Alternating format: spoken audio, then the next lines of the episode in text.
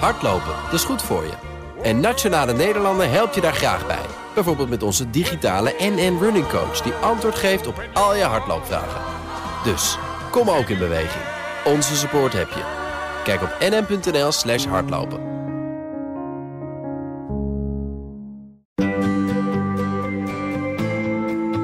Wetenschap in het kort met Carlijn Meinders. Voor het eerst is het volledige menselijke brein op celniveau in kaart gebracht.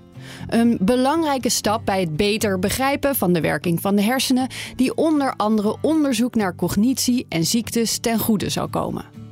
Deze atlas van het brein, die het werk is van honderden wetenschappers, maakt het mogelijk om interacties in en tussen cellen op moleculair niveau te bekijken.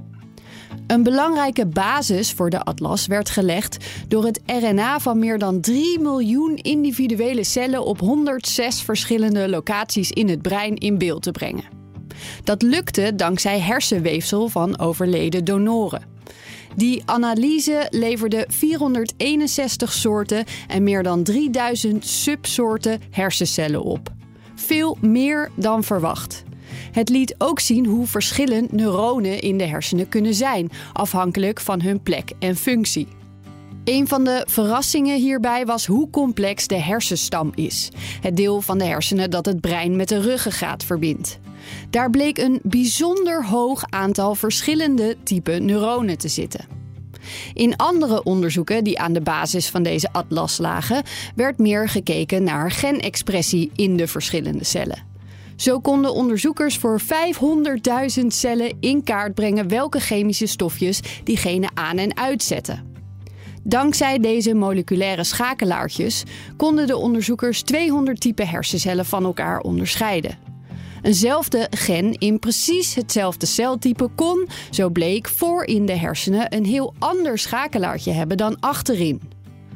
Al deze ontdekkingen maken deze openbaar beschikbare atlas of gereedschapskist enorm interessant voor het opsporen van hersenziektes en het ontwikkelen van persoonlijke behandelplannen.